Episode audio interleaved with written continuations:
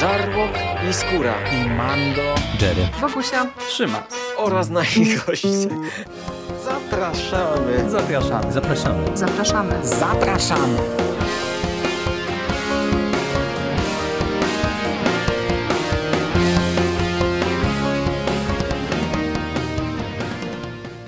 Witam Was wszystkich bardzo serdecznie w kolejnym odcinku konglomeratu podcastowego. Z tej strony Michał Rakowicz, czyli Jerry. Jest ze mną dzisiaj Bogusia Szewczyk. Czołem Bogusiu. Dzień dobry, cześć, witam Ciebie Jerry i wi witam wszystkich słuchaczy. Jak zawsze na początku się zająknęłam, kurczę, tradycji stało się zadość. A tam detale, nikt takich rzeczy nie widzi. E, Dzisiaj nie będziemy rozmawiać o e, kinie religijnym i jakimś mocno feministycznym, a przynajmniej nie nie? wprost. Jak to? No mówię, nie, przynajmniej nie wprost, tam troszeczkę zahaczymy w którymś momencie, a spotkaliśmy się mm, w naszym wirtualnym studio, e, aby opowiedzieć Wam pokrótce o e, festiwalu. E, Bogusia, e, tak z tego co e, ja się orientuję, to Ty chyba jesteś sporą e, jakby uczestniczką, ale też fanką tych wszystkich online'owych festiwali, które nam pandemia e, zaserwowała i starasz się e, w miarę chyba te e, imprezy śledzić i w nich uczestniczyć. Mylę się, czy, czy dobrze mówię? Dobrze mówisz, dobrze. Tylko, że tutaj oczywiście jak w przypadku życia w realu, tak samo w życiu online niestety znowu dopadła mnie klęska urodzaju i tych projekcji filmowych i tych różnych właśnie takich tematycznych weekendów, y, kiedy można online oglądać różne filmy na przykład y, z danego kraju albo z danym aktorem, no to tego się robi faktycznie coraz, coraz więcej. I Ja mam pewną konkluzję na ten temat, bo y, wydaje mi się, że już powoli zaczynam się męczyć e, tym, że tego jest napakowane po prostu tak dużo. E, ja też jestem akurat takim widzem, który e, lubi, żeby ten film troszeczkę z nim został na dłużej, a w momencie, kiedy mamy festiwal, który jest w określonych ramach czasowych, albo na przykład seanse są konkretnego dnia o konkretnej godzinie, no to wszystko się dzieje tak szybko i trzeba faktycznie wymieścić się w te czasowe ograniczenia, co sprawia, że czasami faktycznie y, te filmy no tak przemykają i nie zostają ze mną na dłużej, Y, czego żałuję, bo faktycznie ostatnio miałam okazję zobaczyć sporo, y, sporo takich ciekawych, cie- cie- ciekawych obrazów, ciekawych filmów, głównie dzięki tej platformie mojeekino.pl, która faktycznie jest takim nośnikiem kina bardzo zróżnicowanego, bo tutaj są też propozycje prezentowane w kinach kameralnych, w kinach studyjnych. E, i dzięki wykupowaniu właśnie takich wirtualnych biletów możecie konkretne kino, konkretną placówkę e, finansowo realnie wesprzeć, także jest to też no, jakaś tam po prostu cegiełka dorzucana do tego, żeby te kina przetrwały i żeby miały na, no, na te podstawowe opłaty i, i, i na płatności dystrybutorom. E, No a jak wspomniałaś o e, moje Ekino, no to trochę e, zakładam, że nieprzypadkowo, bo właśnie impreza, przy okazji której żeśmy się spotkali, miała miejsce również właśnie na platformie mojeekino.pl, a mowa o Octopus Film Festival. I e, Octopus e, Film Festival to jest impreza, e, o której na pewno słyszeliście. My o niej już kilkukrotnie przypominaliśmy na konglomeracie. Ona się odbywała do tej pory stacjonarnie, no ale przynajmniej póki co, no bo to jeszcze pytanie, co nam ten rok przyniesie. Y, Tutaj twórcy y, tego festiwalu postanowili zrobić nam prezent na początek wiosny i w dniach od 1 do 9 kwietnia stworzono taką wirtualną wersję tego festiwalu. Wersję, która e, no, w zasadzie patrząc pod kątem e, ty- tym, co miała do zaoferowania, była skonstruowana na mm, podobnej zasadzie jak e, stacjonarna wersja festiwalu. Co mam na myśli? Mieliśmy tutaj po pierwsze segment klasyki, gdzie zaprezentowano naprawdę jakieś ikoniczne filmy grozy. Były to Dreszcze Cronenberga, Halloween Carpentera i fenomeny Dario Argento. Bardzo e, czyli, mocny no, zestaw, tak, w tym roku tak, naprawdę bardzo, bardzo nieźle. mocny zestaw. Dokładnie tak. E, Zważywszy na to też, że e, poza Halloween chyba te filmy nie są dostępne gdzieś tam wydaje mi się w tej chwili w streamingach, no to to była okazja, żeby e, te klasyki sobie nadrobić albo odświeżyć. Mieliśmy e, później e, taki segment VHS-owy, z którego Octopus słynie i w ramach, w ramach pokazu VHS Hell można było zobaczyć Paco Maszynę Śmierci, film, od którego my zaczniemy naszą rozmowę oraz jako danie główne było zaprezentowane kilka produkcji, konkretnie cztery tytuły mm, dostępne e, w ramach dystrybucji e, przez Velvet Spoon. E, był to Niedosyt, który był w kinach. Były to, była to Czarownica Miłości, którą Velvet Spoon wypuściło na Halloween, na Halloween, przepraszam, na walentynki. Na, walentynki. Mhm. na Halloween też by się nadało, ale, ale wypuścili ją na walentynki.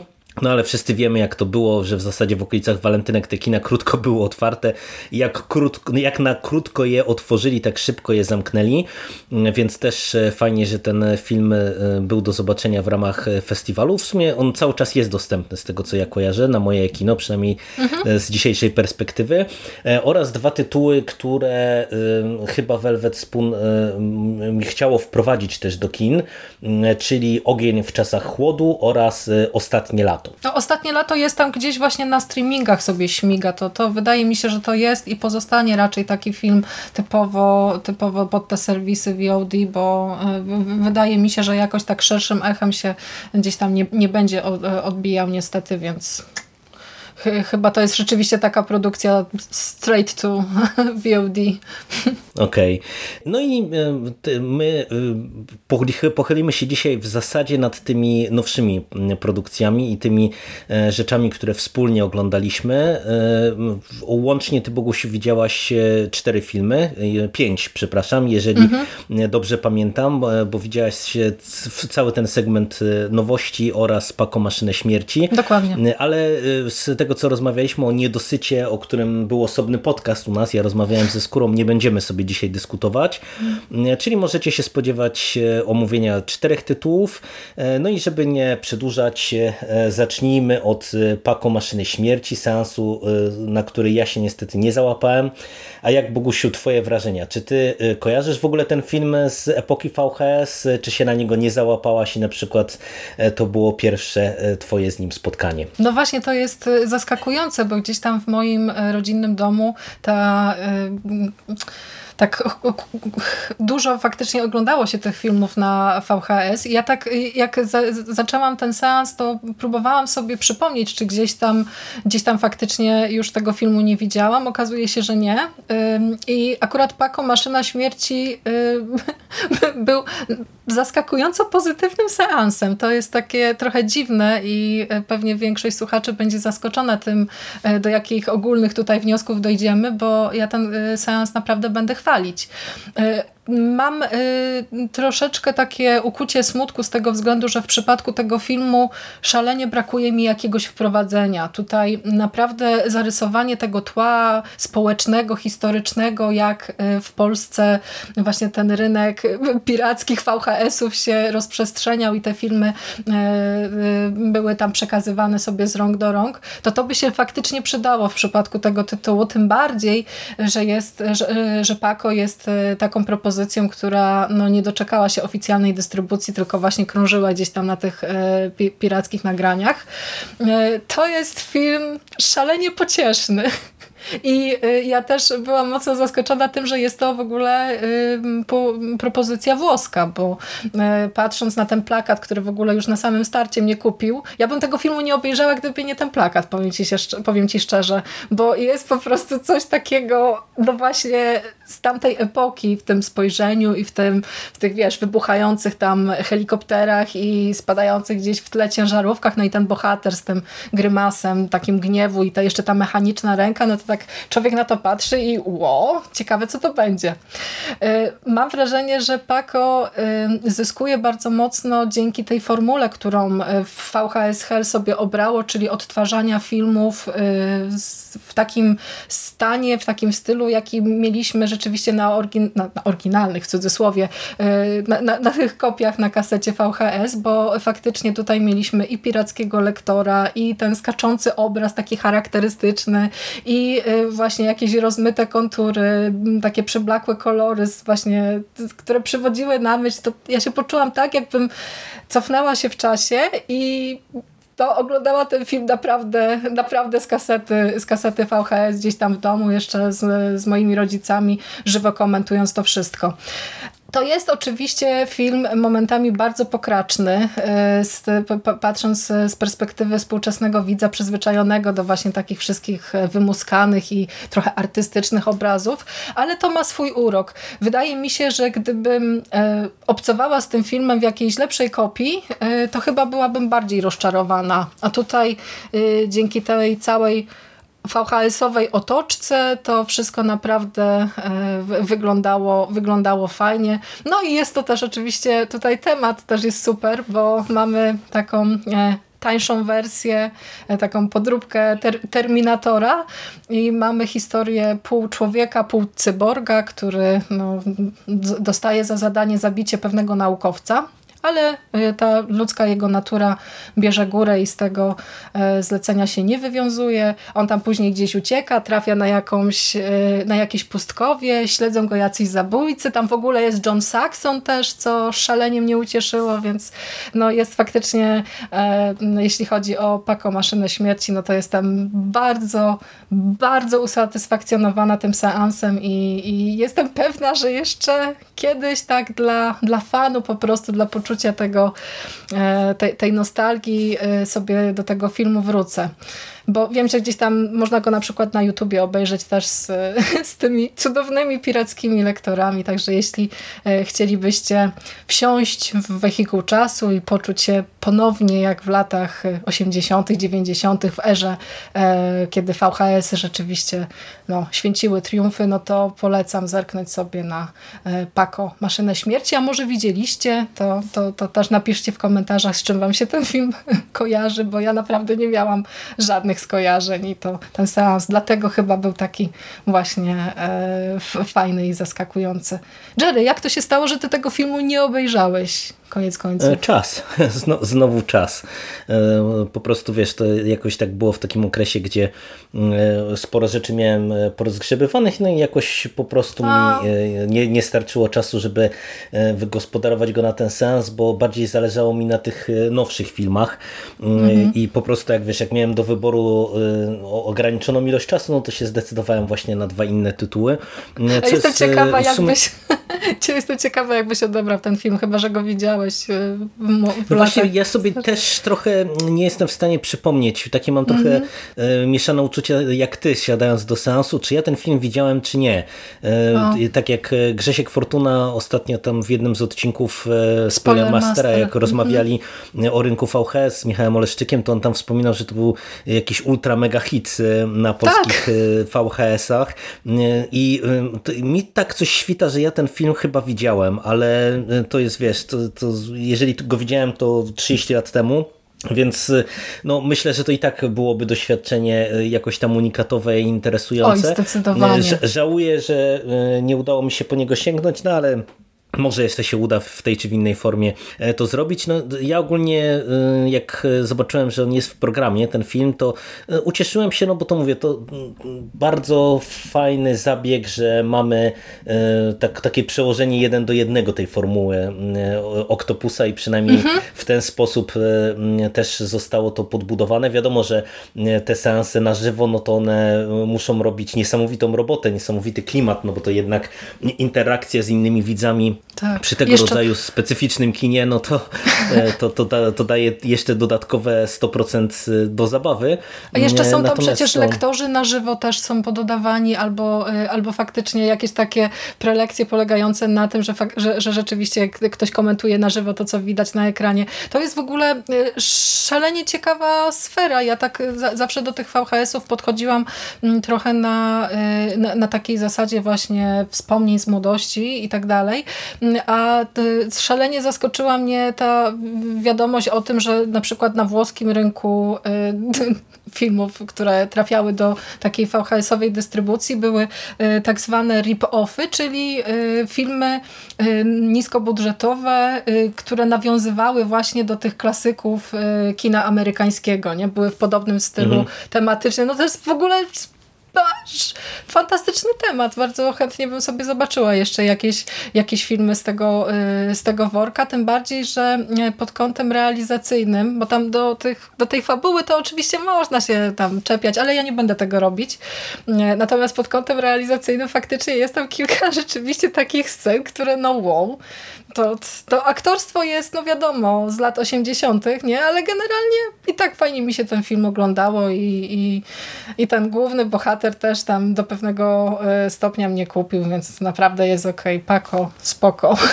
No i ja te, tego rynku włoskiego niespecjalnie liznąłem, e, muszę się przyznać, chociaż samo zjawisko e, kojarzę i, -hmm. i gdzieś tam mi się obiło uszy już ładnych parę lat temu, bo tych filmów trochę, trochę gdzieś było. tam na VHS-ie też e, wpadało mi w radar, ale no mówię, nigdy się jakoś w to nie zagłębiałem.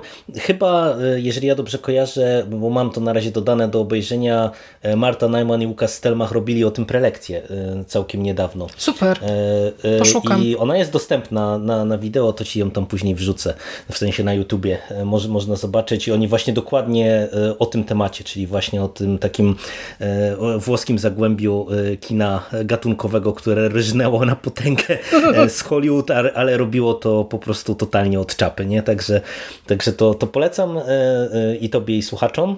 Super. No to co, to możemy przejść do tych nowych e, produkcji, które część już widzieliśmy wspólnie. I na pierwszy y, rzut y, wybraliśmy sobie Ogień w czasach chłodu, A Fire in the Cold Season. Co to za Jest tytuł to... w ogóle, o matko i mm, córko? Tak, tak, tak. Tytuł y, wydaje się trochę pretensjonalny i mm -hmm. no, nie, nie wiem szczerze mówiąc na, na, ile on mi się klei z całością tego, co tu dostajemy, ale to, to o tym może za chwilę. Jest to kanadyjski film z 2019 roku. Jest to film ze scenariuszem i w reżyserii Justina Ukeya, e, twórcy, który ma niewielki dorobek, e, jeżeli chodzi o e, filmowe dzieła, bo ja chyba się doszukałem tylko jeszcze jednego jego pełnometrażu wcześniejszego i on był tutaj sklasyfikowany jako thriller noir. I, I to zasadzie... już jest problematyczne. Tak, i, ten, i ta klasyfikacja już jest troszeczkę problematyczna, głównie ze względu na to noir. E, natomiast e, no, wspólnie zasiedliśmy do tego seansu, nakreślmy pokróciu, pokrótce e, fabułę, która jest bardzo, bardzo prosta. Mamy tutaj naszego głównego protagonistę, jakiegoś takiego samotnika, który żyje w lasach Kanady, w jakiejś takiej malutkiej mieścińce. Żyje trochę jak taki współczesny traper, zajmując się kłusownictwem, e, skurując zwierzęta, e, żyjąc po prostu za absolutne minimum i na absolutne minimum e, i któregoś razu trafia na ciało, które z jakiegoś zmasakrowanego faceta. Jak się okazuje, był to jakiś gość z miasteczka, który najprawdopodobniej zadarł z lokalnymi gangsterami. No i szybko się okazuje, że tenże zmarły tragicznie gość zostawił za sobą ciężarną partnerkę, na którą zaczynają e, polować różne maści zbiry, e, zakładając, że ona e, być może ma jakiś, nie wiem, czy to jest towar, czy jakąś, jakieś pieniądze, coś, co on im zabrał, zabrał układ, ukradł, miał przeszmuglować, to, to nie jest jasne w ogóle na początku. No i nasz protagonista trochę w poczuciu jakiegoś takiego, nie wiem, poczucia powiązania z tą, tą, tą dziewczyną, e, decyduje się jej e, pomóc. Na początku się nie przyznaje, że e, to, to on znalazł ciało i, i tylko jakby udaje, że po prostu był jakimś tam znajomym tego, tego gościa, no ale coś pomiędzy nimi e, się rodzi, czy to jakaś przyjaźń, czy to może jakieś uczucie. No i on e, postanawia właśnie przy niej zostać i, i gdzieś tam jej pomóc w tej trudnej sytuacji. No i e, jak powiedziałaś, od, czy hmm. zaczęłaś od tego, że ta przynależność gatunkowa jest problematyczna, no to możemy w sumie od tego zacząć. Powiedz, dlaczego twoim zdaniem ta, ta, ta, ten to kino noir, ten thriller noir trochę tutaj wydaje nam się wspólnie średnio trafiony? No ja od czego zacząć? Ja my, myślę, że thrillera tutaj niewiele, bo pomimo do pewnego stopnia jakiegoś tam napięcia, które w treści się pojawia, bo faktycznie to zagrożenie jest realne, no to jednak yy, sądzę, że tutaj yy, jest to raczej film z gatunku kina minimalistycznego, takiego kameralnego. Właściwie wszystkie, wszystkie filmy, które, wszystkie filmy kanadyjskie, które widziałam do tej pory, kojarzą mi się właśnie z takimi obrazami szalenie skupionymi na jakiejś tam zamkniętej społeczności, ograniczonej liczbie osób. Nie wiem, czy to jest tylko po prostu coś, co sobie uroiłam, bo mm, nie widziałam zbyt wiele filmów e, z Kanady, ale jakiś tam ogólny taki trend gdzieś tam mi się w głowie klaruje. E, to noir, no to też jest właśnie problematyczne, bo e, ja się mogę zgodzić, że ten film jest e, bardzo surowy i taki trochę egzotyczny w takim znaczeniu, że faktycznie te lokacje, te przestrzenie, które odwiedzamy są no, y, rzecz, miejscami takimi dość nietypowymi. Y, kiedy mm, oglądałam ten film i tam się wymienialiśmy y, opiniami, to napisałam, że jest to najlepszy film tego festiwalu, tej edycji online. Zmieniłam opinię. Uważam, że jednak to jest takie kino, które może zmęczyć, może znużyć, mm, bo to jest taka fabuła, która na wyższy poziom podnosi to określenie slow w tym y, członie slow burn, w tych filmach takich, mhm. które się toczą powoli, bo on jest rzeczywiście taki powolny, niespieszny. Y, ci bohaterowie snują się po tych lokacjach, właściwie nie wiadomo po co, y, bo sam główny bohater filmu był akurat takim takim elementem, który sprawił, że gdzieś tam zaczęłam się trochę w tę historię wgryzać, trochę angażować, bo on wydawał mi się właśnie szalenie fascynujący przez to, jaki był taki małomówny, tajemniczy, gdzieś tam wycofany. Był takim człowiekiem, który właściwie wtapiał się w tło, był taką osobą, której no najlepiej, żeby nikt inny go nie zauważył, żyje po swojemu, y, ale te poukrywane motywacje, które powinny się wyklarować w momencie, kiedy on zaczyna angażować się w, w los tej dziewczyny, no to to już troszeczkę tę fabułę mi wyłożyło i pomimo świetnego początku, bo e, tutaj te pierwsze e, kilkanaście minut do momentu znalezienia ciała, no to to jest w sumie takie kino dość niezłe, rzeczywiście e, intrygujące. Mm, widz zastanawia się, dokąd to wszystko prowadzi, co, co z tego będzie. No to później już to napięcie rzeczywiście no, przez te długie ujęcia e, stopniowo spada i, i pod koniec już faktycznie jesteśmy tak wymęczeni, że właściwie jest nam, e, jest nam wszystko jedno. A ten kierunek prezentowania obrazu e, historii, który sobie obrał reżyser i scenarzysta jednocześnie, jest chyba kiepskim pomysłem, bo E, o ile ten film miejscami miał być właśnie, tak jak wspomniałeś, thrillerem, kinem takim sensacyjnym, no to e, te charakterystyczne elementy dla kina minimalistycznego tak nie do końca mnie przekonują właśnie w, tej konwencji, bo mm, sam finał mógłby wyglądać faktycznie e, bardziej widowiskowo i zupełnie inaczej, gdyby był kręcony w nieco inny sposób, właśnie bardziej dynamiczny.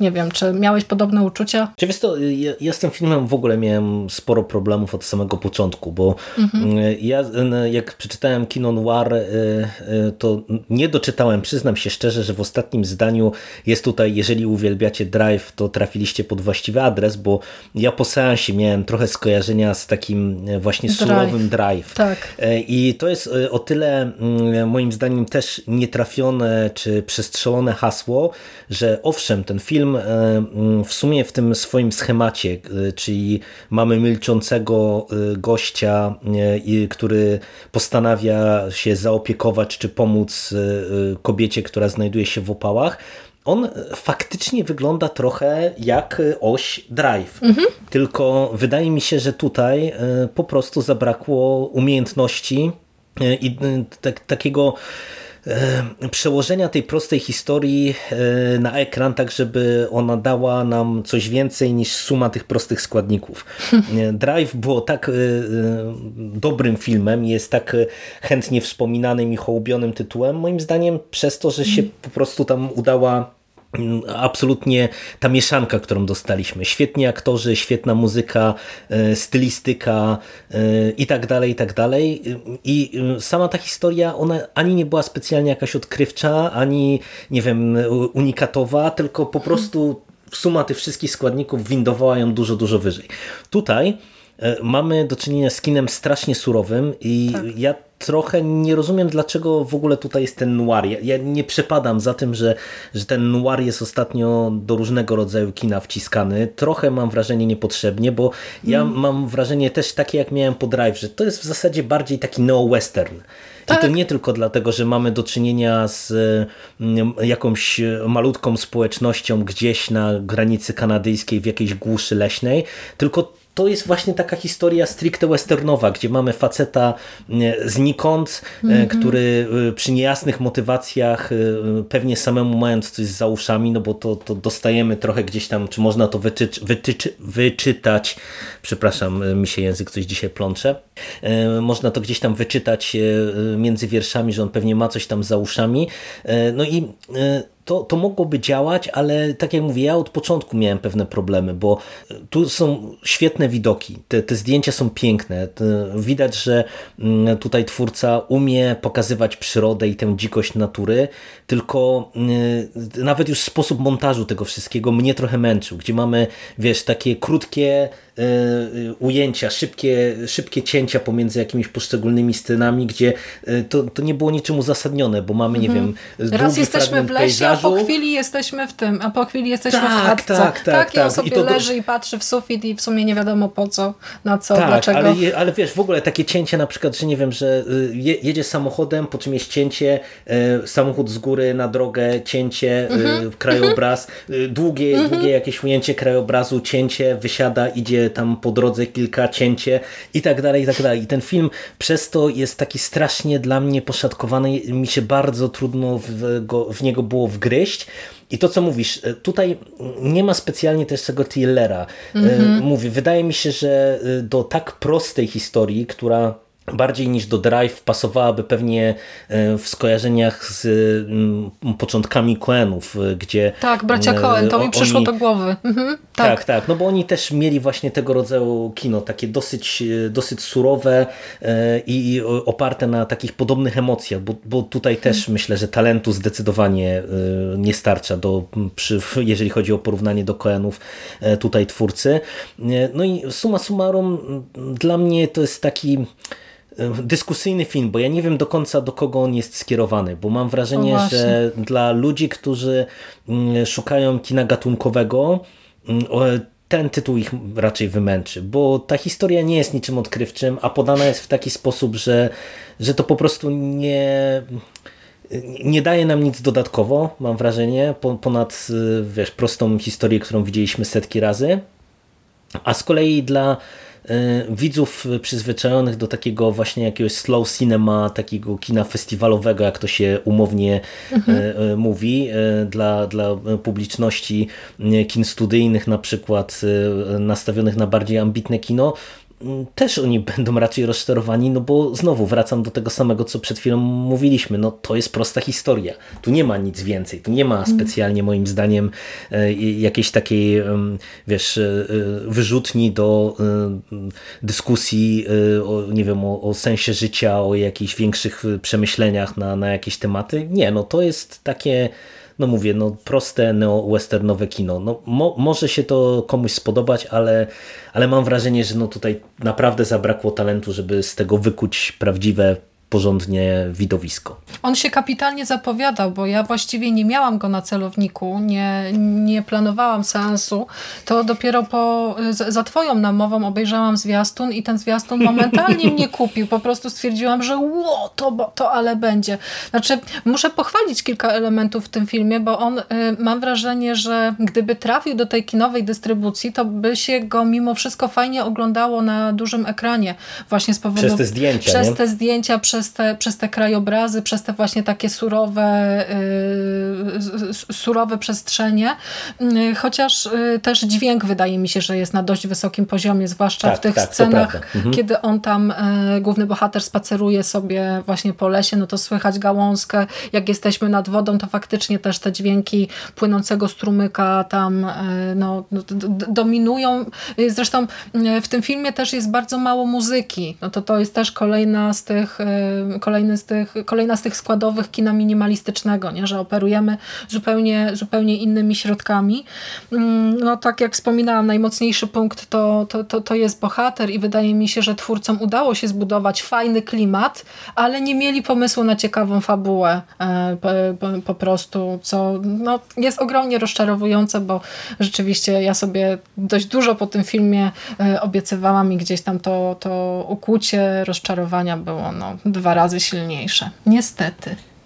No, a tu też jeszcze a propos tych plusów, to ja ci powiem, że e, dla mnie jakby sama Mm, samo przełożenie tej fabuły na, na film e, o tyle też mi nie działało, że ja mam wrażenie, że ta główna obsada była e, całkiem nieźle trafiona. Bo tak. to, to były postacie, które, e, których ja nie znam, no, bo to są aktorzy dla mnie mhm. i aktorka anonimowi, ale mam wrażenie, że oni naprawdę dobrze grali mm, i pomiędzy sobą mieli fajną chemię i, i fajne emocje, co w sumie przy takim minimalizmie w dialogach, no to to jest ważne, żeby, żeby ci aktorzy, aktorki potrafili te emocje pomiędzy sobą rozegrać, więc no, ja też już tak konkludując, no byłem suma summarum rozczarowany, ale to być może kwestia moich oczekiwań. No właśnie, te oczekiwania. No i, i, i, i coś, czego niestety e, mówię, nie, nie da się odciąć. E, plus ja to nie pierwszy raz mówię naprawdę, no wolałbym, żeby e, tutaj dystrybutorzy czasem się miarkowali z tymi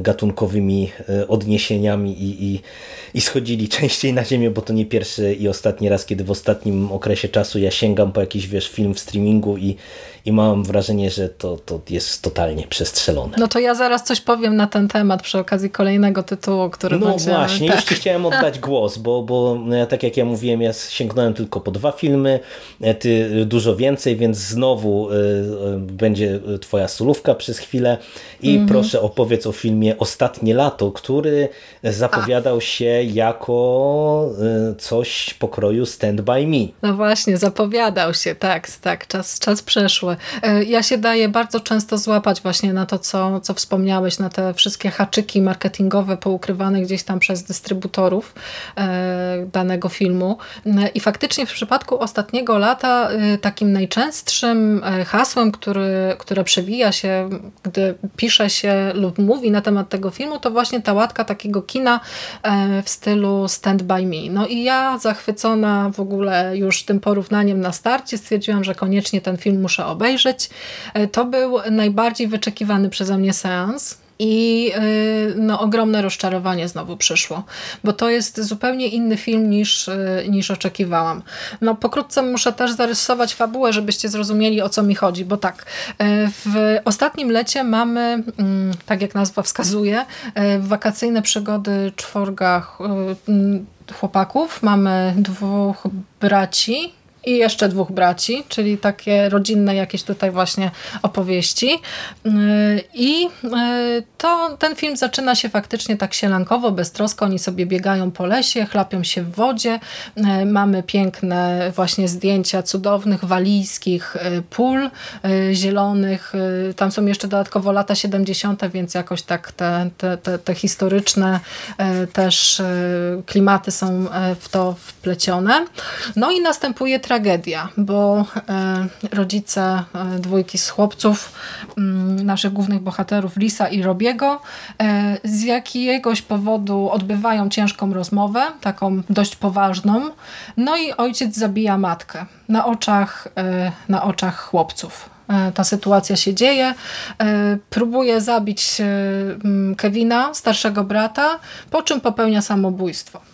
No i to jest jakby ten punkt wyjścia, który właściwie nie jest żadnym spoilerem, bo my to e, widzimy już e, na zwiastunie, że tam jakaś przemoc e, ma miejsce. I to jest właśnie ten punkt kulminacyjny całej tej fabuły, ten moment, kiedy właśnie to napięcie rośnie, rośnie, rośnie, rośnie. Mamy te, ten boom, no i co się dzieje później? Bo te porównania do Stand By Me yy, tak nasuwały mi na myśl właśnie taką opowieść o, o dorastaniu, ale raczej utrzymaną właśnie w takich yy, no, trochę sielankowych klimatach, w jakichś takich opowieści, jakieś takie opowieści o przyjaźni, o współodpowiedzialności, o jakichś takich właśnie relacjach, które yy, z czasem ewoluują. Natomiast tutaj mamy naprawdę w tej drugiej części filmu bardzo mocny dramat i to naprawdę mocny, e, który też jest niestety podany w dość chaotyczny e, sposób. Tutaj w tym scenariuszu jest napakowane bardzo dużo wątków, bo mamy właśnie i tego starszego brata Kevina, który no, teoretycznie mógłby się młodszym rodzeństwem zaopiekować, no ale no, nie do końca sobie daje radę. Jest jakiś tam wątek romansu z policjantką. Jest e, cała sytuacja z psem pasterskim Rexem, który też tam ma jakąś jakąś swoją, jakiś, jakiś swój wycinek e, w, w tej historii. E, I tych wątków jest faktycznie dużo, dużo, dużo. I e, pomimo całkiem fajnego występu tego głównego chłopaka, Daviego, to jednak film bardzo mocno ugina, ugina się pod ciężarem tych ambicji, nie? bo to e, te oczekiwania, które miałam w stosunku do ostatniego lata, no to nie zostały niestety e, zrealizowane, nie zostały spełnione. E, ten film jest depresyjny, trudny i posiada niestety mm, taki, jakby to określić, żebyście zrozumieli, takie troszeczkę tanie moralizatorstwo, bo po obejrzeniu całej tej historii doszłam do wniosku, że właściwie to bycie dorosłym komplikuje, e, komplikuje życie. To patrzenie na niektóre trudne sytuacje y, przez pryzmat dziecięcego umysłu y, gwarantuje jakby prostotę rozwiązań i wyjścia właśnie nawet z najtrudniejszej opresji. Y, ten główny bohater troszeczkę się zmienia i tam ta, te jego motywacje są nie do, końca, e, nie do końca jasne od takich właśnie jakichś egoistycznych pobudek po właśnie chęć utrzymania tej sielanki żeby to trwało, żeby to lato nigdy się nie skończyło, żeby oni byli nadal przyjaciółmi i nadal byli, e, byli tacy beztroscy, ale gdzieś tam właśnie te dorosłe problemy się e, tam pomiędzy tych chłopców wbijają i trzeba pewne decyzje podjąć. Także jak, jak zapewne słyszycie, no to nie jest Stand By Me, to nie jest e, film ani pogodny, ani taki, który no niestety angażuje widza bardzo mocno, bo w przypadku e, tamtej produkcji no to no, wraca się do niej, chce się ją oglądać ponownie i ponownie.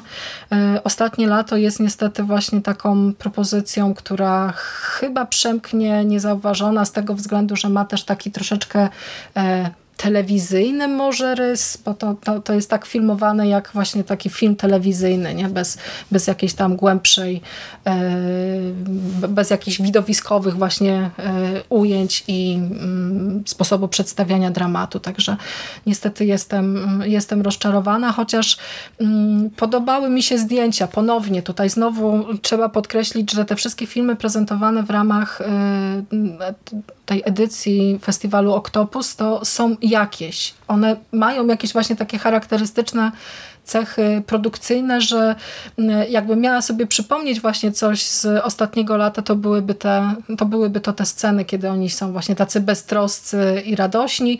No i ten moment przemocy, bo te, te, te, te, te, te, ta chwila rodzinnego dramatu jest naprawdę dobrze sfilmowana, e, ciekawie, e, ciekawie przedstawiona e, i to jest rzeczywiście taki no, dość, dość mocny moment, który pozornie y, angażuje nas y, w tę historię. Także no niestety mogło być świetnie, wyszło tak sobie. Szkoda. No to no cóż, e, drugi e, film z tych nowszych i drugie e, rozczarowanie. Szkoda.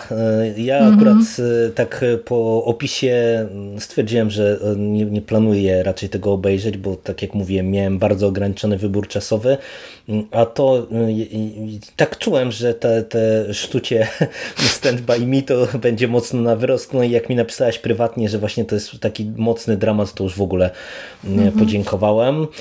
No, no cóż, to nie będziemy przedłużać w tym układzie o tym filmie. Przejdźmy do ostatniej produkcji, którą widzieliśmy wspólnie. A, to jest, jest perełka. To Czarownica Miłości. The Love Witch. E, e, film e, z 2016 roku, co, co mnie troszeczkę zaskoczyło, bo ja kojarzyłem, że on już ma kilka lat na karku, ale nie sądziłem, że aż tyle, mhm. bo w zasadzie o tym tytule zrobiło się jakoś tam głośniej. Wydaje mi się, że w zeszłym roku i, i nie wiem, czy to jest kwestia, że on dostał jakąś trochę szerszą dystrybucję, czy, czy co tam się zadziało, ale, ale właśnie gdzieś tam w tym horrorowym świadku e, Czarownica Miłości zaczęła e, wypływać w 2020 roku. No i ja byłem e, jednym z tych, którzy wyczekiwali tego filmu, bo powiem szczerze, że jak widziałem trailery, które wyglądały jak coś wyciętego z wytwórni Hammer i to tak Kapitalne dosłownie są, wow. wyciętego z wytwórni Hammer w stylistyce lat, nie wiem, 60., może e, wczesnych 70., e, z e, ferią barw w technikolorze, z, ze stylizacją i tła i głównych postaci, no to to mm. wyglądało jako coś intrygującego już tylko i wyłącznie na tym poziomie formalnym, no a dodatkowo y, gdzieś tam dochodziły głosy, że to jest właśnie też film interesujący y, pod kątem y, stricte fabularnym, nie, a właśnie, nie, nie znowu, formalnym. Tak, ja, już tak zacznę, będę ci się teraz trochę tutaj mhm. wcinać. Ja znowu Dajesz. mam problem, jeśli chodzi o kategorię, bo to jest prezentowane, określane bardzo często jako horror komediowy. Kurczę, ja nie, nie widziałam tam za dużo komedii. Może jestem... Nie, w ogóle. Może w ogóle. jestem właśnie jakimś takim odbiorcą troszeczkę, y, troszeczkę ograniczonym, albo na przykład nie operuję nawiązaniami do tych klasycznych filmów na tyle sprawnie, żeby te, te, te, te niektóre tutaj perełki i smaczki powyłapywać. Y, chociaż ja się w dwóch czy trzech momentach roześmiałam, ale to, y, żeby szumnie nazywać to właśnie komedią horrorową, no to to jest Także to znowu nie dajcie się złapać po prostu na te, na te gatunkowe tutaj e, przynależności, takie na siłę właśnie wtłaczanie, wtłaczanie w ramy konkretnych właśnie stylistyk. Jeśli miałabym e, określić e, czarownicę miłości jakimś, mm, no właśnie, jakimś gatunkiem, to trochę tutaj jest tego horroru, trochę kina erotycznego nawet może. Mhm. Odrobinka thrillera i y, chyba w dużej mierze właśnie y, mm, taka baśniowość mi przychodzi do głowy, taka, ta, ta, taki rodzaj właśnie e, filmowej baśni, bo tu, tu jak zaraz będziesz opowiadał o, o, o fabule, no to też jakaś taka bajkowa figura tutaj stylistyczna się pojawia. No mi się wydaje, że te, te e, konotacje do komedii e, to chyba tutaj dystrybutorzy, bo to nie tylko kwestia polskiego dystrybutora, mhm. ale też na zachodzie ten film tak jest często określany. Wydaje mi się, że to, jest, to może być kwestia tego, że to jest po prostu momentami bardzo e, sprawny być może pastisz e, Aha. kina właśnie epoki e, i wiesz, często jest tak, że pastisz jest traktowany z od razu z definicji trochę jako komedia.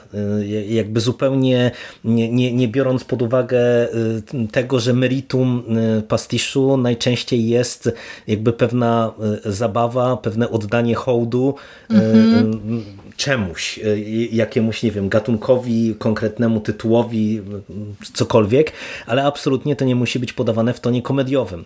I wydaje mi się, że tu mamy dokładnie do czynienia z tego rodzaju kinem. Kinem, które jest e, absolutnie na serio.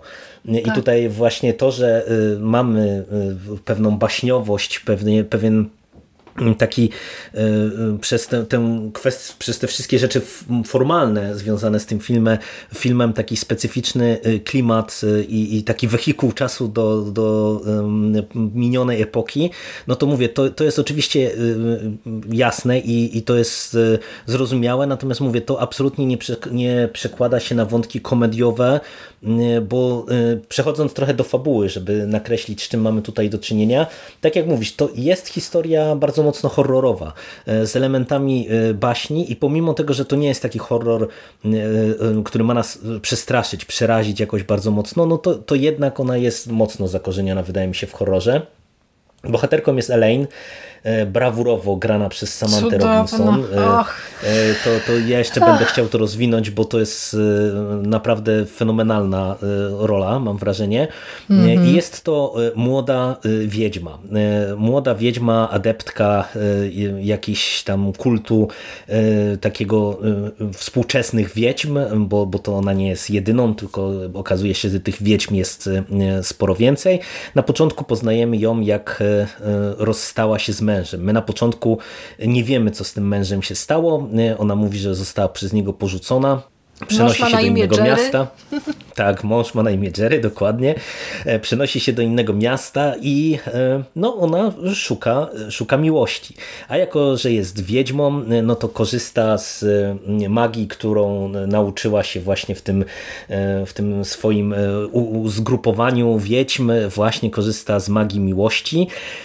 No i jak się szybko okazuje, ona chyba nie jest specjalnie zrównoważona, bo nawet na tle tych innych wiedźm e, widać, że ona e, ma te moce, ma, e, posługuje się tą magią miłości, ale chyba nie do końca ogarnia konsekwencje tego, co robi. No i prowadzi to do serii zgonów, aż nie trafia na tego swojego wymarzonego faceta, który stanie się dla niej prawdziwym zgryzem. No i e, e, zacznijmy może od e, tych kwestii formalnych, żeby przejść do fabuły, bo myślę, że ten film może być rozpatrywany na, na dwóch poziomach i dostarczać dwojakiego rodzaju doznania, co oczywiście ta strona formalna ma też podbudowywać fabułę, czy, czy nam robić klimat do, do fabuły, ale my, myślę mimo wszystko, że abstrahując właśnie trochę od fabuły, ten film jest rzeczą, która może dostarczać takiej stricte kinowej przyjemności od tej strony audiowizualnej, bo ta stylizacja na te lata 60., 70., na te technikolorowe filmy. Jest, tak. To jest coś wow. niesamowitego, tym bardziej, że mnie to mega zaskoczyło. Ten film się dzieje współcześnie. On się dzieje tu i teraz. Mamy współczesne samochody, mamy telefony komórkowe, ale y, to y, z jednej strony mamy ten czas teoretycznie tu i teraz, ale cała stylizacja, stroje, y, y, gra aktorska, y, która jest grą aktorską właśnie taką no, z innej epoki, nie? gdzie mhm. czasem odnosi się wrażenie, że aktorzy, aktorki tak specyficznie grają, tak jak to, to kiedyś było kręcone, tak jakby troszeczkę, nie wiem, dialog szedł prosto do, do kamery. Ja miałem przynajmniej takie wrażenie, tak wiesz, trochę recytowane te dialogi, nie tak jak, jak naturalnie to w kinie E, bywa. E, ale no, ta, ta stylizacja, to jak to jest od tej strony kolorystycznej, od strony scenografii, od strony y, strojów, no to to jest po prostu coś fenomenalnego, a Samantha Robinson w roli głównej jest zjawiskowa. Ja po prostu byłem pełen zachwytów, jak ona tu się sprawdza w tej roli, bo to paradoksalnie nie była wcale łatwa rola, wydaje mi się. W tym sensie, że w tej całej takiej rozbuchanej stylizacji, nie wiem, czy się ze mną zgodzisz, ale bardzo łatwo można było to doprowadzić e, na e, skraj i przekroczyć granicę takiej autoparodii w zasadzie. Tak. Żebyśmy mieli do czynienia nie z filmem, który jest właśnie hołdem e, dla pewnej stylistyki, hołdem dla pewnej epoki, tylko żebyśmy mieli po prostu do czynienia z karykaturą i taką niezbyt umiejętną. A to, co ona tutaj robi, jak ona gra w taki bardzo powściągliwy, stonowany sposób, E, no to, to robi fenomenalną robotę, co przy właśnie mm, tym całym rozbuchaniu wizualnym, przy fantastycznych zdjęciach, przy pomysłowych e, zabiegach filmowych, bo tutaj mamy czasem jakieś takie kolaże, e, gdzie kamera nam pływa, jakieś takie psychodeliczne mm. stenki i tak dalej, i tak dalej, no to pod tym kątem to ten film to jest y, no, fenomenalna robota. Jak Ci się to podobało? Y, I aktorsko, i właśnie od tej strony audiowizualnej. No to jest takie kino trochę vintage. Takie mi skojarzenie przyszło, y, przyszło do głowy. Zresztą warto tutaj podkreślić, że za tym filmem w 120% stoi Anna Biller. To, to jest mhm, tak. babka, która była odpowiedzialna, uwaga, słuchajcie, za reżyserię, za scenariusz, za muzykę, za montaż, za scenografię, za produkcję i za kostiumy. To jest jej dzieło po prostu e, no, była odpowiedzialna prawie za wszystko, za wszystko w tym filmie. I odnoszę takie wrażenie, że Biller jest faktycznie taką bardzo świadomą artystką, która rzeczywiście wykorzystuje te klisze nawiązujące do klasycznych, klasycznych filmów i potrafi je właśnie tak skutecznie zaprezentować. Jakoś tak to wszystko, bo ten film mógłby się wyłożyć. Ja, tak jak byłam w trakcie seansu i do, docieramy tam na przykład do sceny e, zaślubin i wiesz, tego spektaklu -hmm. całego, tak, tak, tak, tak. to ja tak po, po, prostu pomyślałam sobie, że o matko, co tutaj, się, co tutaj się dzieje?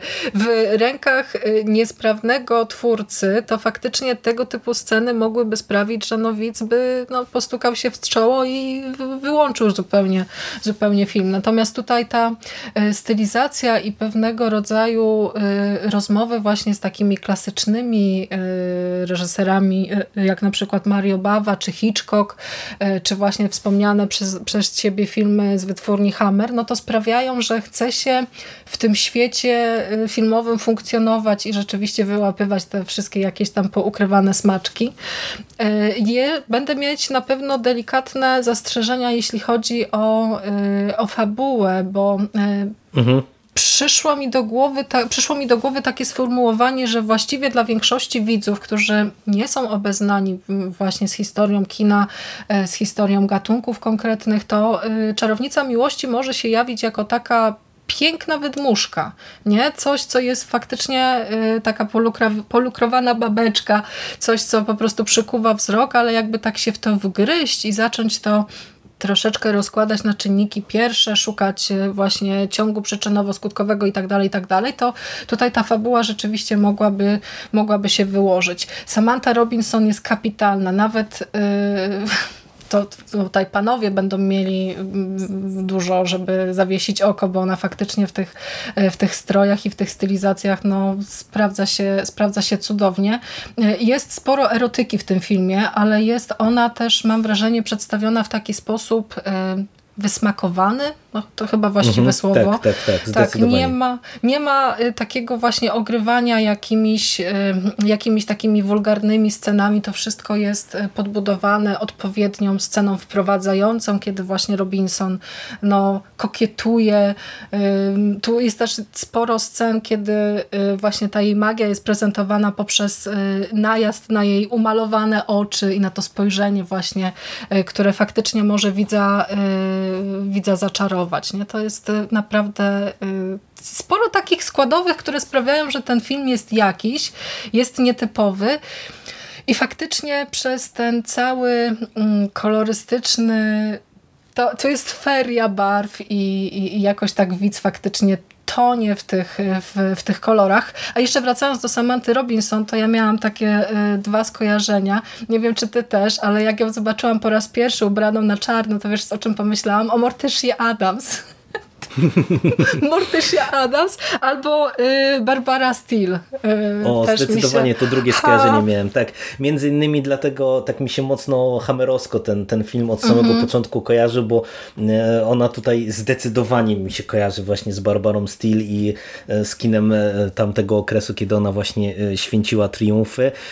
Zresztą no to właśnie w kon konwencję takiego horroru podbitego erotyką, no to też mm -hmm. się mhm. wpisuje, no bo Barbara Steele umówmy się, e, też w takim kinie błyszczała, więc e, no, to wszystko jest spójne e, pod, pod tym kątem po prostu. No ona też gra właśnie z taką konkretną, te, konkretną emfazą, tak właśnie jak ona mówi te swoje kwestie, to to jest właśnie tak mocno wystylizowane i takie no po, po, po prostu no, w duchu tamtych czasów, nie? To, to, mhm. to, to rzeczywiście jeśli popatrzy się na Czarownicę Miłości jako na film współczesny, zrobiony, no wiesz, w roku 2016, to y, na pewno można zauważyć coś takiego, że tak się filmów nie kręci. On jest jedyny w swoim rodzaju. Po prostu tak nietypowy, tak y, nieprzystający do tego wszystkiego, do czego jesteśmy przyzwyczajeni, że no to po prostu y, czapki z głów. Tu jest też faktycznie dużo fajnych elementów, które budują świat, bo są i mocne makijaże, i na przykład wykorzystanie tylnej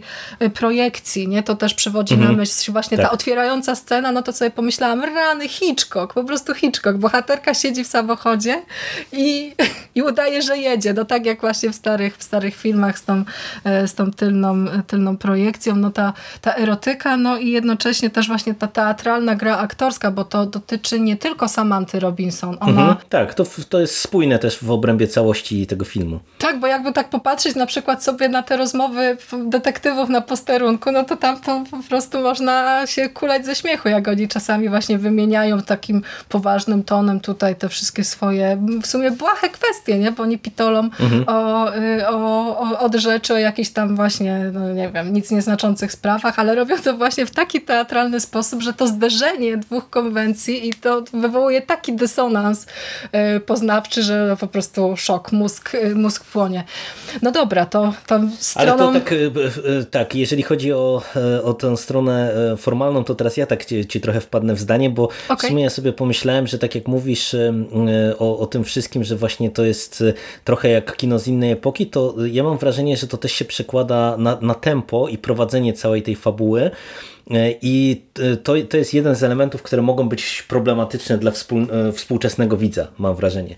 Że przechodząc tak już do fabuły, to ja mam z nią kilka problemów, bo ty też powiedziałaś, że właśnie y, troszeczkę będziesz miała y, no mam. jakieś tam małe zgrzyty, jeżeli chodzi o tę warstwę fabularną. Y, ja podstawowy problem ci powiem mam taki, że o Czarownicy Miłości ja słyszałem sporo jako o jakimś kinie feministycznym.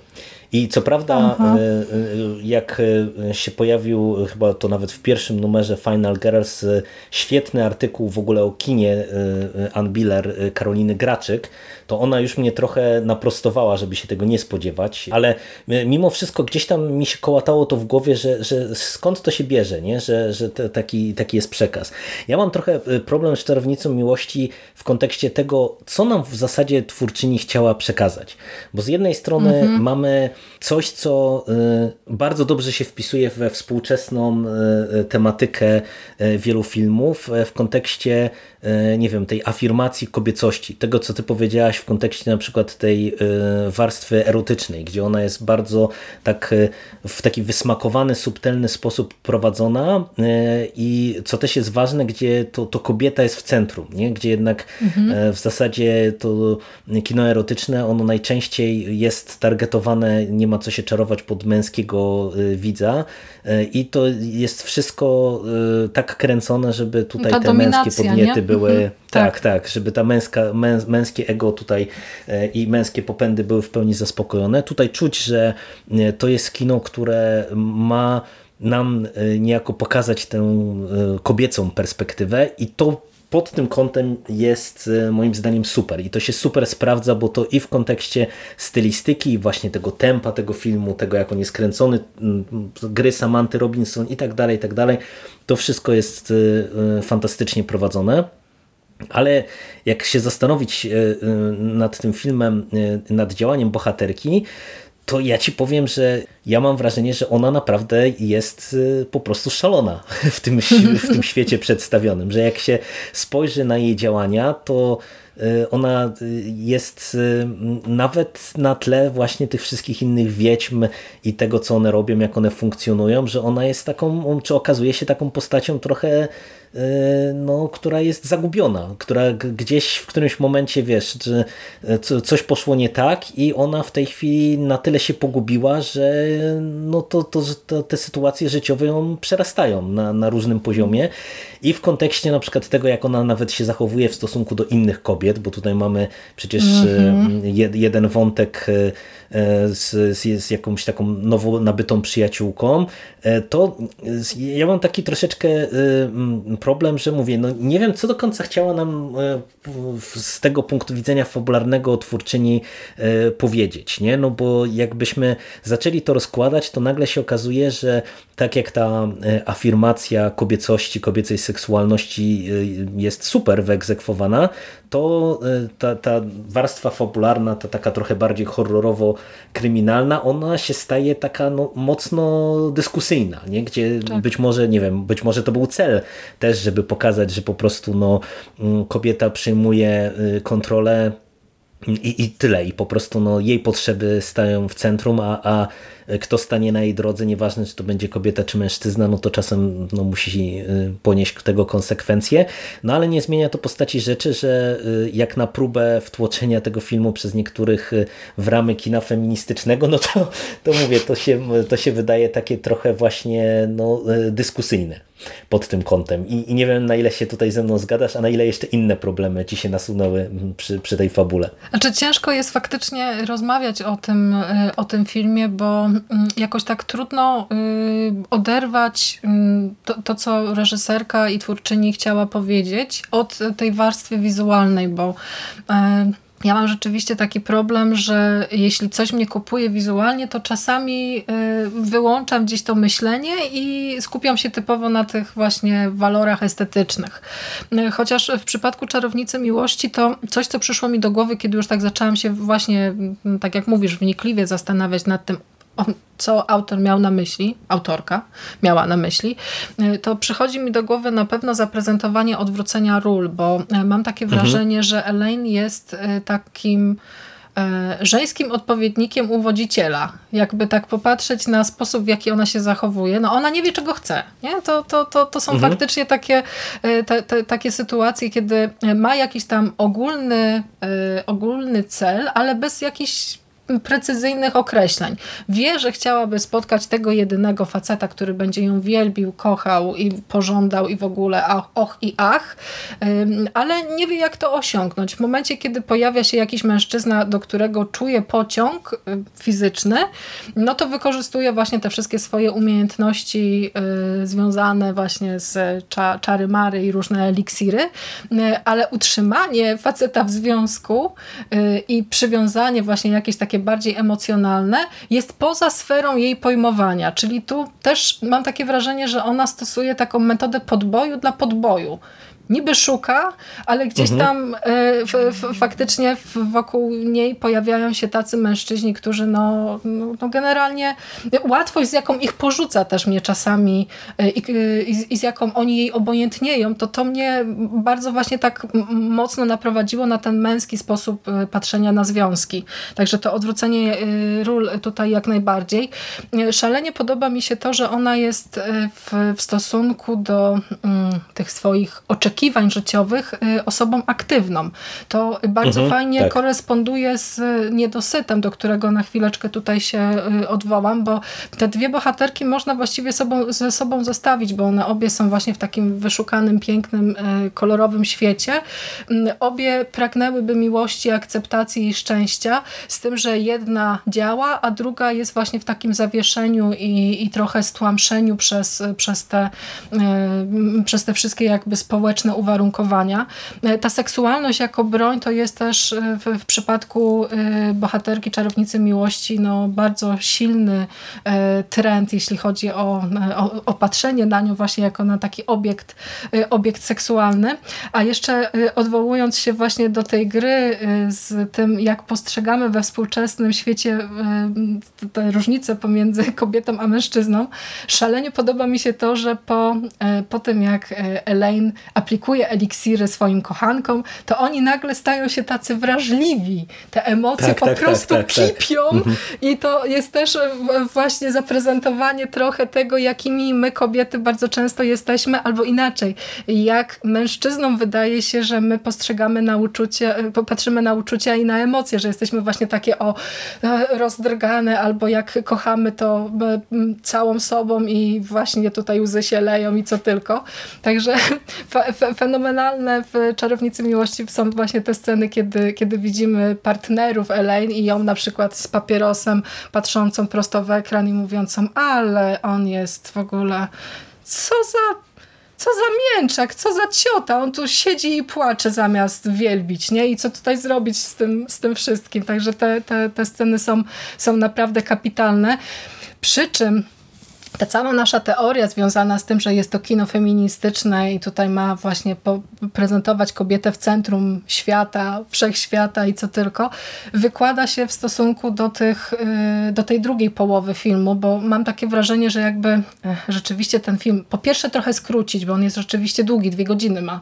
Tak, jakby tak, tak 116 minut, nie? No 116 to minut. Wow, na ten format taki... to jest faktycznie sporo, nie? No, to jakby tak na przykład y, wyciąć parę tych elementów albo powiedzmy ten cały wątek, y, z, wątek kryminalny i tych poszukiwań i prezentowania Elaine jako no, sprawczyni zbrodni, jakby to bardziej tak skondensować, to ten film jeszcze mocniej by y, jeszcze mocniej by oddziaływał, mam, mam takie wrażenie, bo to po, poprzez właśnie takie piękne zabawy estetyką, jak wspomniana przeze mnie scena za ślubin, to gdzieś tam cała ta wymowa się rozmywa, my gubimy wątek i właściwie te rozmowy, które następują pomiędzy bohaterami, to też tak nie do końca wiemy, czego dotyczą, o co chodzi w odniesieniu do, do, do, do czego. Tak, takie miałam wrażenie, więc tutaj e, jeśli chodzi o e, długość tego filmu, to ja bym go faktycznie troszeczkę jednak e, skróciła. Nie straciłby poza, tej, poza tą zabawą, konwencją i ładnym, ładnymi obrazkami, y, a jeszcze dodatkowo właśnie zyskałby y, pod kątem spójności treści, nie? bo gdzieś tam w, w, tym, w tym finale faktycznie ten, ten chaos mocno się wkrada, takie, takie, takie odniosłam wrażenie. No i ten finał, mówię, też z perspektywy mm, tego, co autorka chciała nam przekazać, no mówię, dla mnie jest taki, taki trochę mm, dyskusyjny, nie? że mhm. w, sumie, w sumie no nie, nie będziemy tutaj spoilerować, ale, ale no, mam wrażenie, że ten sam finał trochę y, staje też y, jakby w kontrze do tego, co widzieliśmy wcześniej. E, tu, tutaj mamy pewne z kolei znowu odwrócenie ról e, w finale, czy, czy, czy jakiś taki twist, można powiedzieć, z perspektywy tego, co widzieliśmy wcześniej no nie wiem, taki e, do, do, do, przemyślenia i do przedyskutowania film e, i e, nie wiem, czy coś jeszcze byś chciała tutaj dodać, bo mówię, nie będziemy spoilerować, bo to jest w sumie świeżynka na naszym rynku, więc raczej będziemy zachęcać Was, żeby po prostu sięgnąć po niego i, i sprawdzić, jak wypada Czarownica no to Miłości. Jest, tak, to jest bardzo ciekawe doświadczenie. Ja bym chciała tylko zapytać się Ciebie, jak odebrałeś właśnie te wszystkie rzeczy związane z okultyzmem i z magią magią, bo tutaj w sumie tego w tym filmie jest właśnie trochę scen y, sabatów i jakiegoś uprawiania czarów, jak, jak, jak, jak ten aspekt Ci się podobał? To było dla mnie ciekawe i to było y, i y, jakoś interesująco pokazane i mam wrażenie, że też wpisujące się trochę w ogóle w tę falę kina, które gdzieś tam czarownicę z powrotem odzyskuje, jeżeli chodzi o taką E, siłę natury, czy siłę sprawczą, mm -hmm. bo no, umówmy się, że to nie jest tylko kwestia e, czarownicy e, bajki ludowej z Nowej Anglii, tylko no w ogóle czarownice też można by odesłać właśnie do, do tego, co Final Girls piszą w, ostatnio. No one w tym horrorze w, w ostatnich latach pojawiają się dosyć regularnie. Tutaj to było interesujące, bo ja miałem wrażenie, że pomimo tego, że właśnie jesteśmy teoretycznie tu i teraz, to, to prezentowanie okultyzmu E, było bardziej w takim e, palpowym stylu, czy w tak, takiej, w takiej -huh. tak, tak, w takiej e, trochę mm, w takim stylu, jaki my kojarzymy gdzieś tam, nie wiem, z lat 30. wręcz bardziej, można powiedzieć, jeżeli chodzi o wyobrażenie pewnych, pewnych rytuałów. Przy czym dla mnie najciekawsze było to, że w zasadzie cały ten kult, y, czy ten okultyzm, ten kult y, miłości, te, te wiedźmy, one były zaprezentowane mm, bardzo pozytywnie w gruncie rzeczy. Tak. Y, też, te, też to się wpisuje jakby w ten taki trend, gdzie w zasadzie te, te współczesne wiedźmy, że one to, to, to, właśnie nawet nie, nie tyle, że są wiedźmy kojarzone jak z jakąś tam czarną magią, tylko że właśnie to jest raczej taka biała magia, afirmacja natury, mhm. afirmacja kobiecości, siły kobiecej, kobiecej seksualności i tak dalej, i tak dalej. I to było też interesujące, że właśnie całe to środowisko trochę było dla mnie w kontrze do, do działań naszej głównej bohaterki.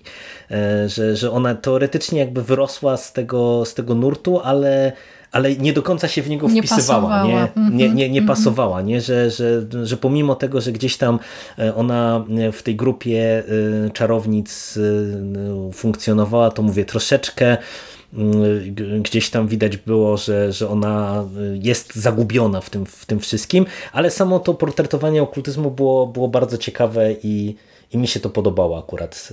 A, a ty jak oceniasz ten wątek? To szalenie mi się to podobało. Mnie, ja jeszcze chciałabym podkreślić też jedną rzecz, bo takim elementem całej tej fabuły, który wydał mi się szalenie ciekawy, było właśnie to umiejscowienie w czasie i w miejscu konkretnym, bo tak, tak jak wspomniałeś, czasy mamy współczesne, bo są i samochody nowoczesne i telefony komórkowe, także no, współczesne czasy, ale szalenie podoba mi się mm, ta, ta, ta, ta mieścina, w której e, Elaine mhm. funkcjonuje, bo to tak, tak. E, oni są, to, to jest właśnie cudowne, to jest taki fantastyczny świat, w którym wszyscy zdają sobie sprawę z istnienia magii, z istnienia wiedźm.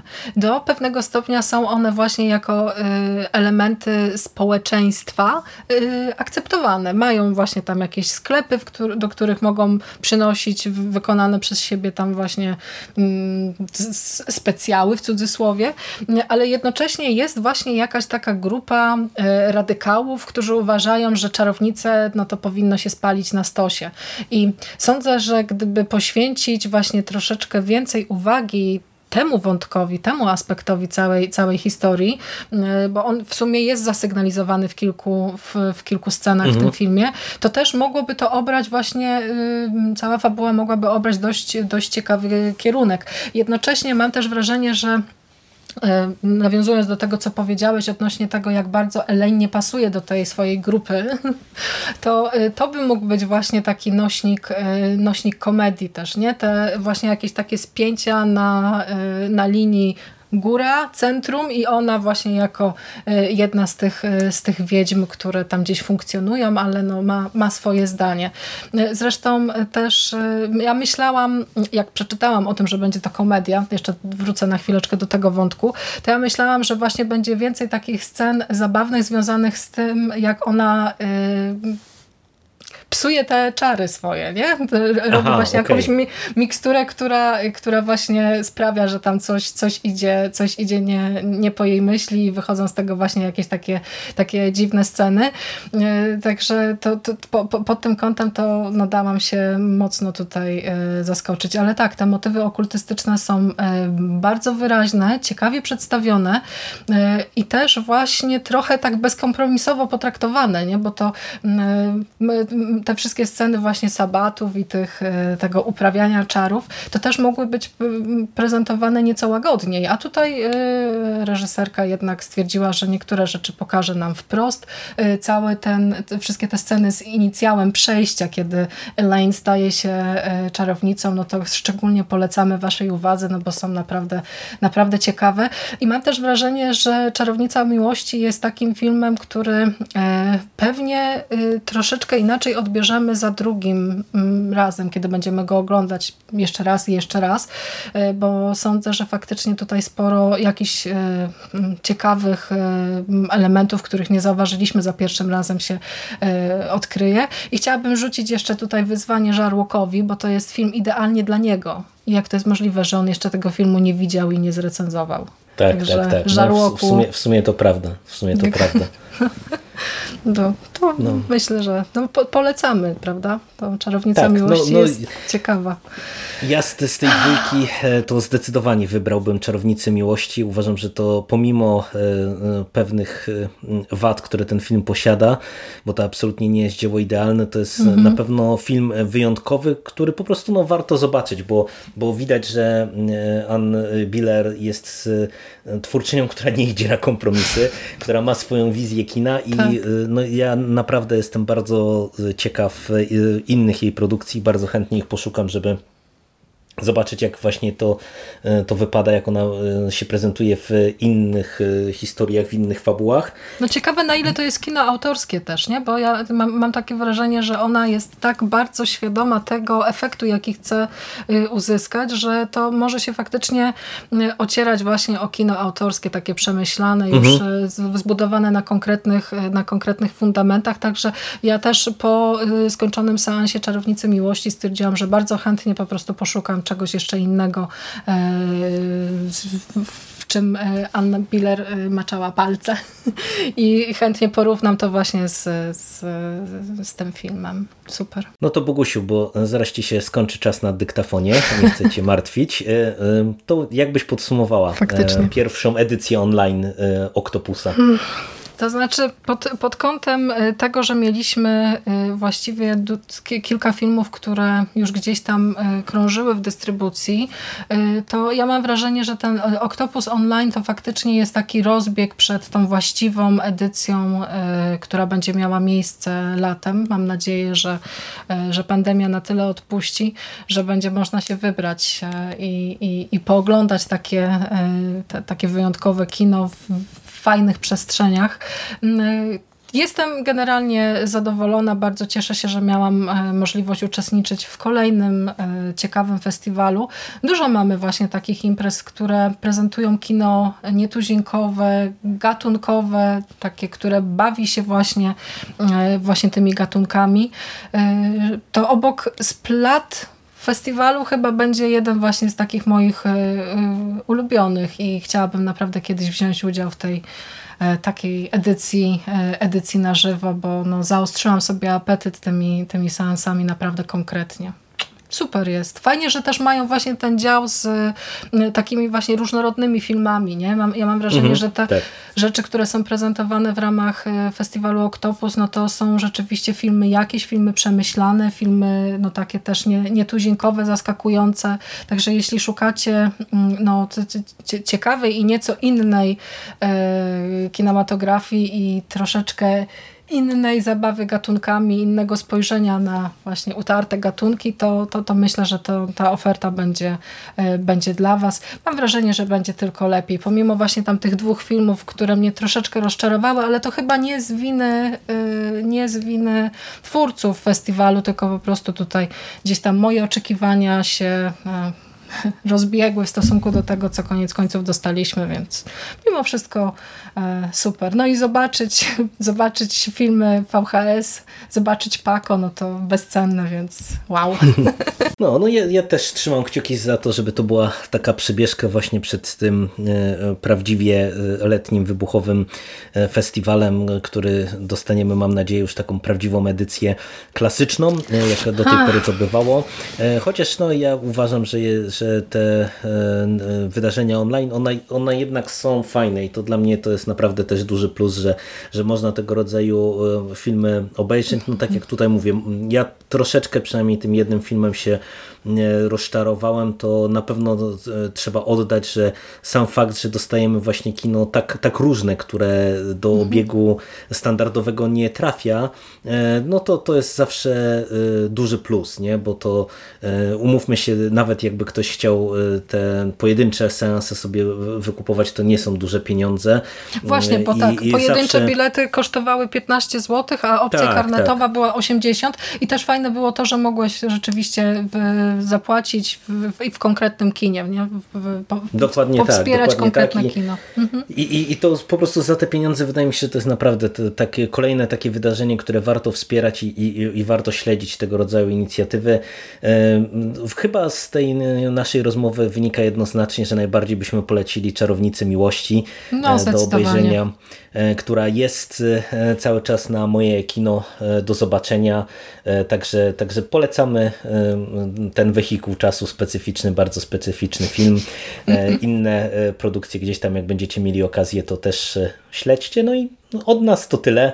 Mam nadzieję, że się spotkamy. Jeszcze tak, mhm. dopowiedzieć chciałam tylko jedną rzecz, że mam takie wrażenie faktycznie, że w przypadku tej edycji online, to tutaj twórcy postawili sobie za cel zaprezentowanie czegoś takiego the best, nie? Te, te, te, bo, te, bo niektóre te filmy faktycznie były wyświetlane wcześniej, bo to mhm, e, tak, tak. już kilka tych edycji Octopusa właśnie się odbyło, e, trzy konkretnie, to, e, to już e, faktycznie one gdzieś tam swoje seanse miały, więc fajnie, że pomyślano też o tych widzach, którzy nie dojechali i nie zobaczyli tego właśnie no, na, na, na, dużym ekranie w ramach tej e, już na, na, żywo, e, na żywo edycji, także to jest też, to jest też super konsekwentni są i za to się należą naprawdę ogromne brawa. Dokładnie.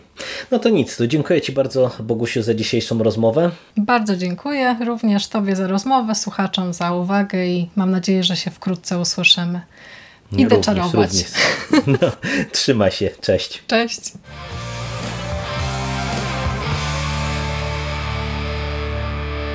You finished? That's it, man. Game over, man. It's game over. What the fuck are we gonna do now? What are we gonna do? It's over. Nothing is over! Nothing! You just don't turn it off!